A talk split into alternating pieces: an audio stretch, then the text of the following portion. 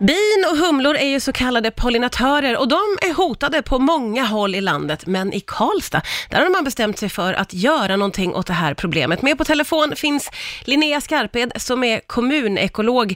Eh, Linnea, oh, får jag fråga dig först, vilka fler insekter är pollinatörer än bin och humlor? Ja, framförallt så är det ju vildbin och sen fjärilar och blomflugor är väldigt viktiga som pollinatörer. Och vad är det ni ska göra i Karlstad för att locka till er de här pollinatörerna då?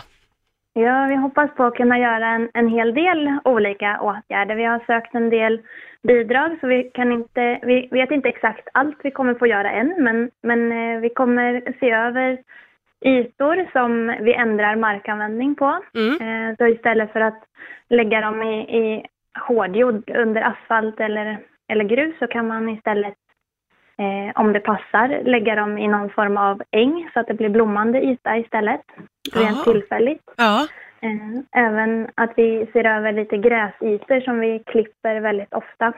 Eh, att delar av dem kan läggas i äng också så att man både får en vackrare miljö att vara i men också en mer attraktiv plats för de här pollinatörerna. pollinatörerna, eh, låter det som på dig, gillar blommor och lite mer vildvuxet.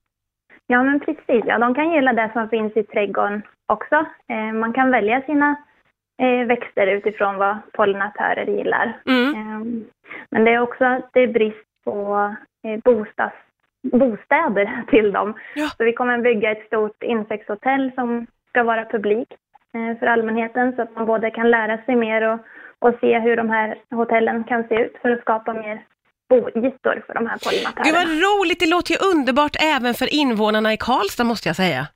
Ja, jag hoppas att det ska bli, bli populärt. Det ska bli jättekul att se hur det blir när vi färdigställer det. Ja. Eh, Och hoppas att det ger, ger eh, effekt på pollinatörerna också, att de ska trivas bättre. Ja du, vi måste få med också Linnea, varför är pollinatörer så himla viktigt? De är jätteviktiga av flera anledningar, både för biologisk mångfald, att vi ska få en, en artrik flora. Eh, Men det är också jätteviktigt för vår egen, egen matproduktion. Eh, Det är de som, som befruktar blomman för att vi ska kunna få bär och frukt och en del grönsaker och så. Mm. De är jätteviktiga för att vi ska få mat. Gud vad roligt det ska bli att följa det här projektet och jag håller redan nu tummarna för att fler eh, orter följer efter. Det här låter ju helt magiskt bra.